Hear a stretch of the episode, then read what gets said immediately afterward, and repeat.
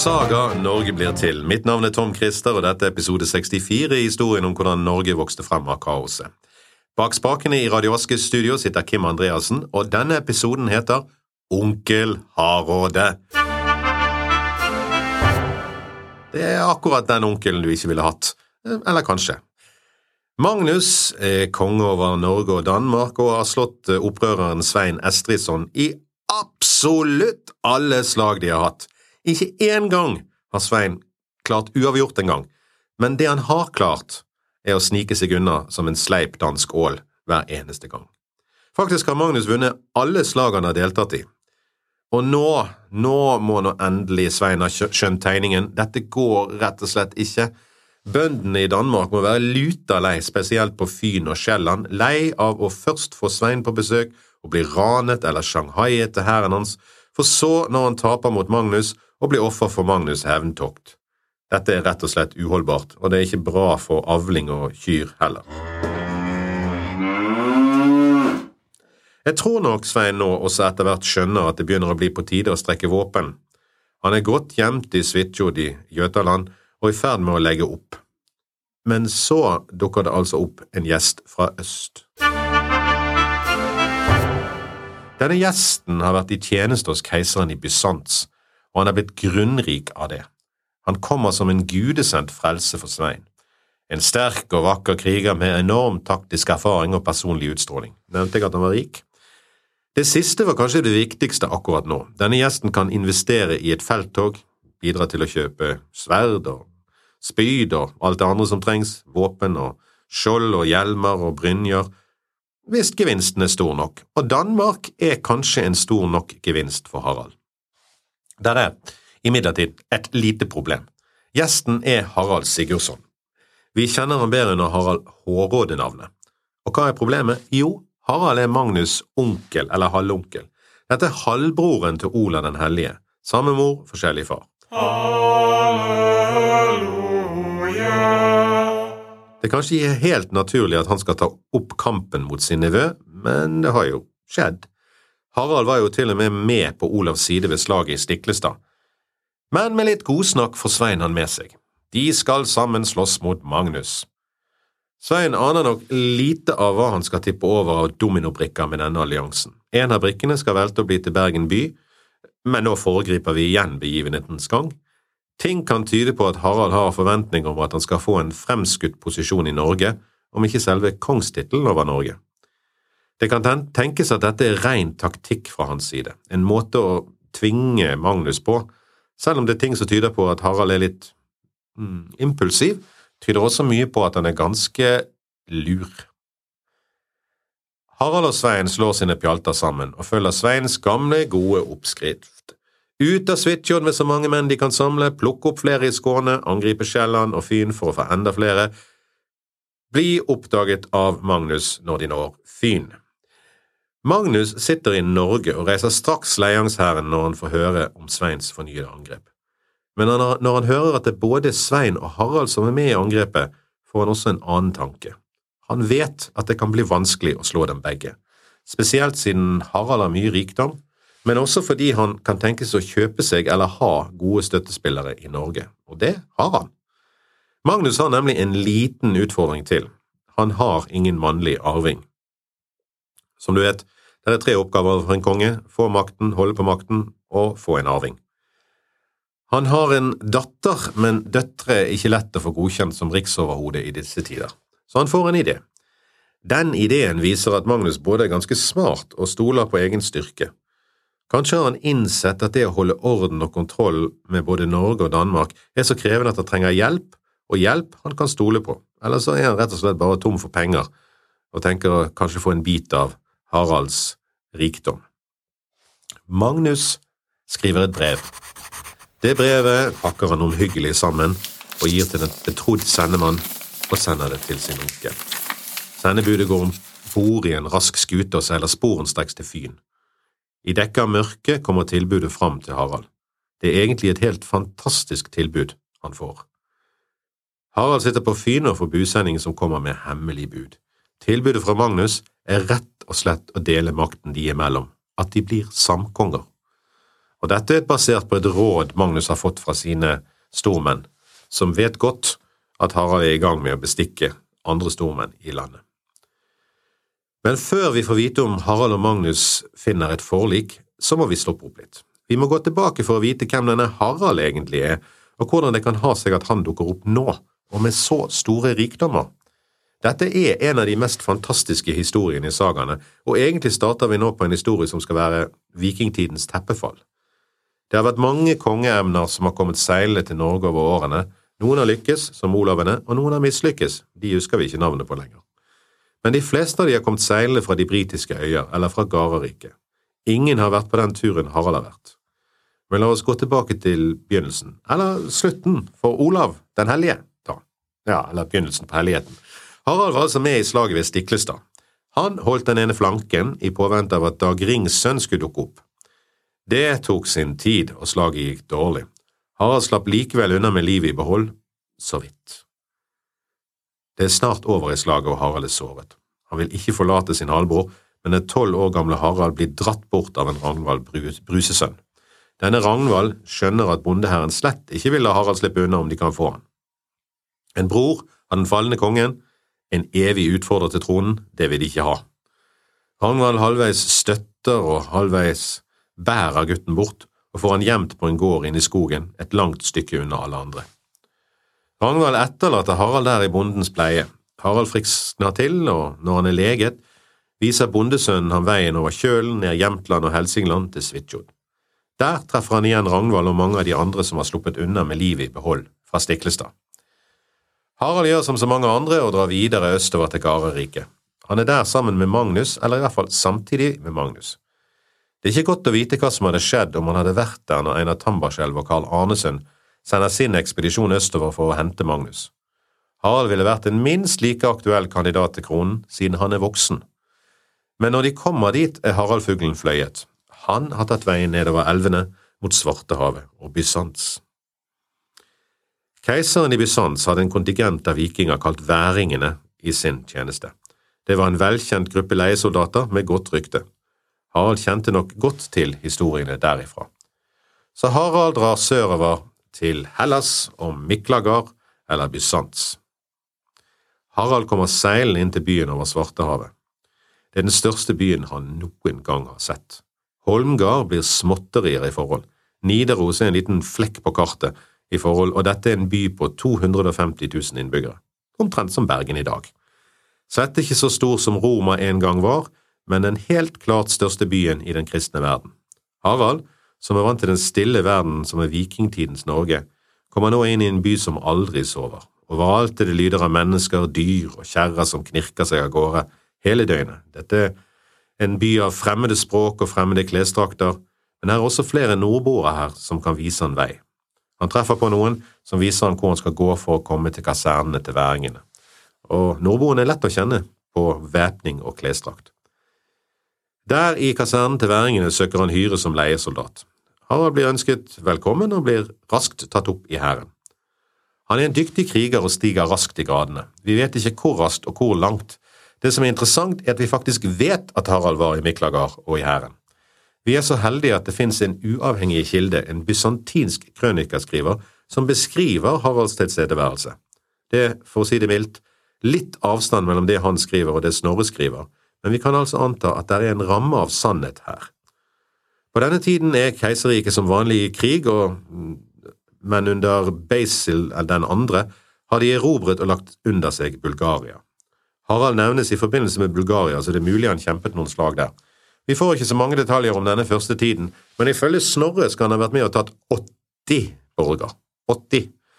Eh, det må ha vært smått og stort i Bulgaria, det. Suksessen gir Harald status, og han stiger i gradene. Han er nå kommandør for væringene. Men Harald følger en litt spesiell taktikk for å sikre populariteten hos sine menn. Han sørger for å holde de utenfor eller i den letteste delen av striden hele tiden. Når væringene er alene i striden, derimot, går de på med dødsfrakt. Dette fører Harald inn i en konflikt med den bysantinske øverstkommanderende. Denne bysantinske generalen kalles Gyrge hos Snorre, men navnet hans er kjent i bysantinske krøniker som Georgios Maniakes. Konflikten er flere ganger i ferd med å ta fyr, og kommer på spissen en dag da Harald og hans menn kommer først frem til det området de skal slå leir. Vikværingene slår opp telt og gjør klart leir. Noe senere kommer Maniakes med de bysantinske styrkene. Vikværingene har valgt det beste området for leir, og nå vil generalen ha det i stedet. Han er jo tross alt generalen. Han ber vikværingene og Harald flytte seg. Nei, skjer ikke. Vi har slått leir her først, og når, når dere kommer først, så kan dere velge plass, men vi var først. Flytt dere! Niks! Skal jeg flytte dere med makt? Ja, kom igjen! Hendene på begge sider går mot sverdhjaltene. Det er like før de to avdelingene går til kamp mot hverandre, noe som er litt kontraproduktivt med tanke på at de skal forsøke å krige for Bysants, ikke mellom hverandre. Hei, stopp dere to, vi må finne en løsning for alle går av skaftet her. Noen såkalt vise menn klarer å stoppe de. Kan vi ta en pause, og så finner vi en løsning? Det er bedre med en klar avtale enn at det blir kamp her. Gå fra hverandre nå, og så møtes vi igjen her om litt for en avtale.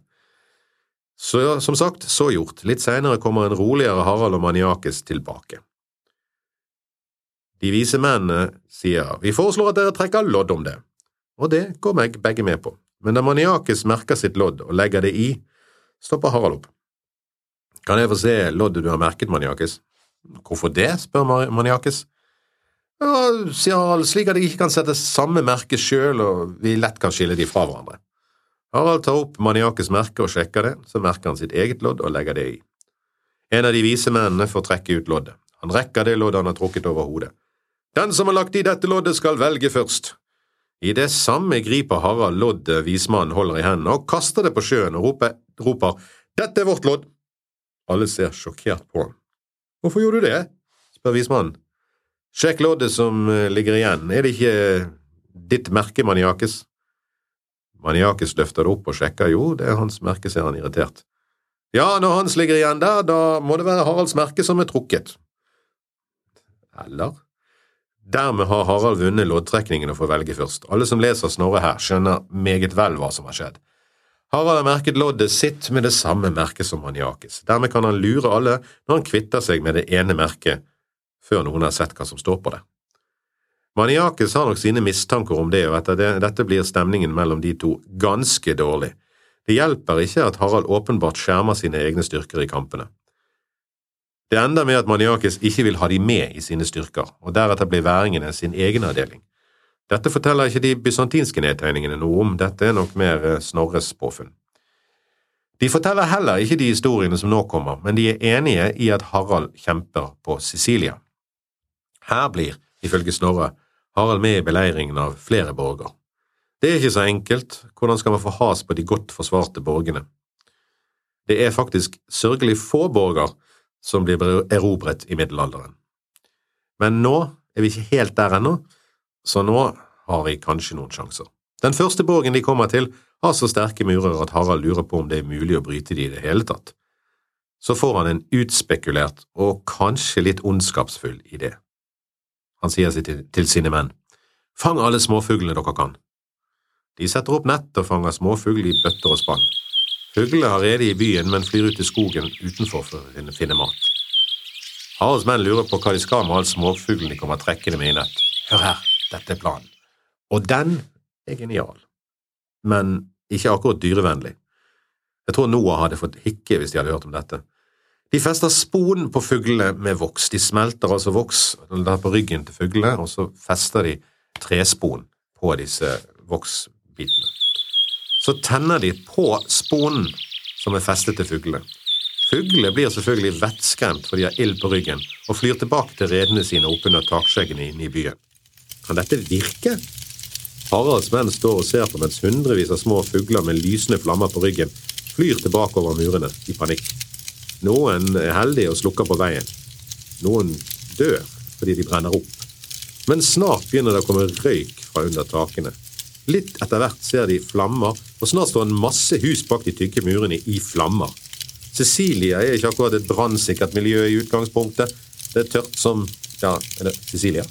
Og etter hvert står hele borger, borgen i flammer. Det bryter ut panikk, og plutselig står borgporten opp, og innbyggerne og forsvarerne kommer stormende ut flyktende fra flammene. Harald har vunnet borgen ved hjelp av list og småfugl og dyreplageri. Den neste borgen Harald kommer til, er også stor og godt forsvart. Det er ikke noe småfugl å hjelpe seg til med her. I stedet finner Harald på å grave en tunnel fra et gjel like ved. Der går det en elv, men den har gravd seg inn sånn at gjelet ikke synes fra borgen, eller elven inni gjelet. Harald graver en grøft og kaster jorden i elven slik at ingen kan se at det graves en tunnel når jorden vaskes bort. Væringene graver seg helt under borgmuren og inn i borgen. Nå tror jeg vi har gravd nok, sier Harald, og med noen av mennene sine bryter han seg opp gjennom tunneltaket. De kommer ut midt i borgens gildehall. Der sitter forsvarerne og holder gilde og spiser mat, og han har fred og ingen fare, og plutselig eksploderer liksom bakken under dem, opp kommer en gjeng blodtørstige vikinger. Om du lurer på hvordan det går, kan du jo se Game of Thrones og ja, det bryllup, eh, du vet, den episoden med det. Væringene kjemper seg gjennom Ja, ja, kjemper. De slakter alle de som er inne i gildesalen og spiser, og kjemper seg ut av den og bort til borgporten, og åpner den, selvfølgelig. Og så stormer hele den bysanske hæren inn. Dermed var borg nummer to tatt. Borg nummer tre var enda større og sterkere. Her var store diker og vollgraver, så det nytter ikke med krigslistene de hittil har brukt. Hva gjør vi nå? Jo, Harald vet råd. La mennene gå opp til borgen så nær de kan uten å bli truffet av piler. Legg bort våpenet, og la de se at vi leker og ikke bryr oss om eller respekterer de som er bak borgmurene. Som sagt, så gjort, hva det enn nå skulle oppnå. Sånn holder de på i noen dager, og borgmennene følger interessert med. Nå vil de også vise sitt mot, så de åpner portene, men passer godt på, bare for å vise at de heller ikke er redde, men er klare til å lukke de på kort varsel. Nå begynner væringene å bære med seg sverd skjult under kappene. Når de ser at borgmennene etter hvert kjeder seg og ikke lenger er interessert i å se på dem, så slår de til mot den åpne porten. Men kanskje de er litt for raskt ute. Borgmennene blir ganske raskt klar over hva som skjer, og er raskt på pletten og iallfall slåss imot, men de får ikke lukket porten. De slåss med sverd i portåpningen og kaster stein og skyter piler fra murene. Det går hardt utover væringene, siden de ikke har skjold med seg, siden det ikke er plass til skjold under kappen, bare våpen. Når Harald hører våpengnyen, setter han straks hæren i bevegelse, de forsøker å komme til unnsetning. Det tar tid, for borgmennene skyter på de oppe fra murene. De som nå er i kamp ved porten, er ille ute. De synes det tar altfor lang tid for Harald å komme frem til dem. Når Harald endelig kommer frem, faller han hans merkesmann. Han sier til en av de andre der, 'Haldor, ta opp merket!' Irritert sier Haldor, 'Hvem vil bære merke for deg når du følger det så motløst som nå?' Han er irritert for at Harald har brukt så lang tid på å komme frem, men han tar opp merket, og de kjemper seg inn i borgen og tar. Haldor blir merket for livet av et sverd fra en av borgmennene som gir han et langt arr i ansiktet. Nå har Harald vunnet sin tredje borg. Hittil har det vært eh, relativt sivilisert etter slagene, og alle som har bedt om det, har fått grid. Men den neste borgen blir litt annerledes. Neste borg er enda større og sterkere enn de tre første. Igjen er det ingen sjanse å ta borgen uten list. Men nå blir Harald syk og blir sengeliggende. Til slutt blir han så dårlig at det går ord gjennom hæren at han er død. Da blir en del av folkene bak murene litt fristet. Det er mange kirker og klostre bak murene, og de lever blant annet av betalingen de får, eller ofrene, som sagt, de får når noen skal gravlegges. Det kan være gull, og det kan være andre kostbarheter, men det blir betalt. Når en så stor kriger som Harald skal gravlegges, da regner de med at her, her er det store summer inne i bildet. Dette blir en uh, dyr og heftig begravelse. Væringene snakker med de, og de vil gjerne få til en god begravelse, sier de. Ut av porten kommer etter hvert en prosesjon av prester og munker, en slags uh, markedsføring av hvem som skal få ansvar for gravleggelsen, og væringene bærer kisten med prosesjonen inn mot byren, bymuren igjen. Men når de kommer til porten, setter de plutselig kisten midt i porten. Nå kan ikke porten lukkes, og de drar fram sverdene sine og løper inn den åpne porten. Og med makt tar de også denne borgen. Harald var selvsagt ikke død. Eh, selv om når du leser Snorre, så virker det som han faktisk er syk, men det var nok bare en krigslist. Det er prester og munker som nå står mellom forsvarerne og angriperne, og de er like ivrige på å komme seg vekk som de var på å komme væringen i møte når de trodde at det var penger å tjene. Denne gangen blir det ingen grid. Alle menn i byen blir drept. Harald samler seg store rikdommer ved disse erobringene, og etter hvert seiler han tilbake til Miklagar etter å ha vunnet så mye rikdom og ære for Bysants. Rikdommene sender han til Holmgard for oppbevaring. Og nå, nå vil han egentlig hjem. Og av alle ting så vil han ha med seg en av keiserinnens kvinnelige frender, en vakker jente. Men Harald får ikke reise helt ennå. Hvordan det går når Harald vil hjem, får vi høre i neste episode, men før vi avslutter, et vers fra Håvamål, og dette er vers nummer 25. Vanklok mann trur vel om alle som hugblid munn helse. Det ser han først fram til tings komen, av frender eigan få. Det er altså først når det virkelig gjelder at du ser hvem som er dine egentlige venner. Jeg er Tom Christer, og bak spakene har Kim Andreassen satt. Du kan sende spørsmål eller kommentarer til tom.christer.gmail.com. Dette var episode 64 i Saga Norge blir til, episoden Onkel Hardråde.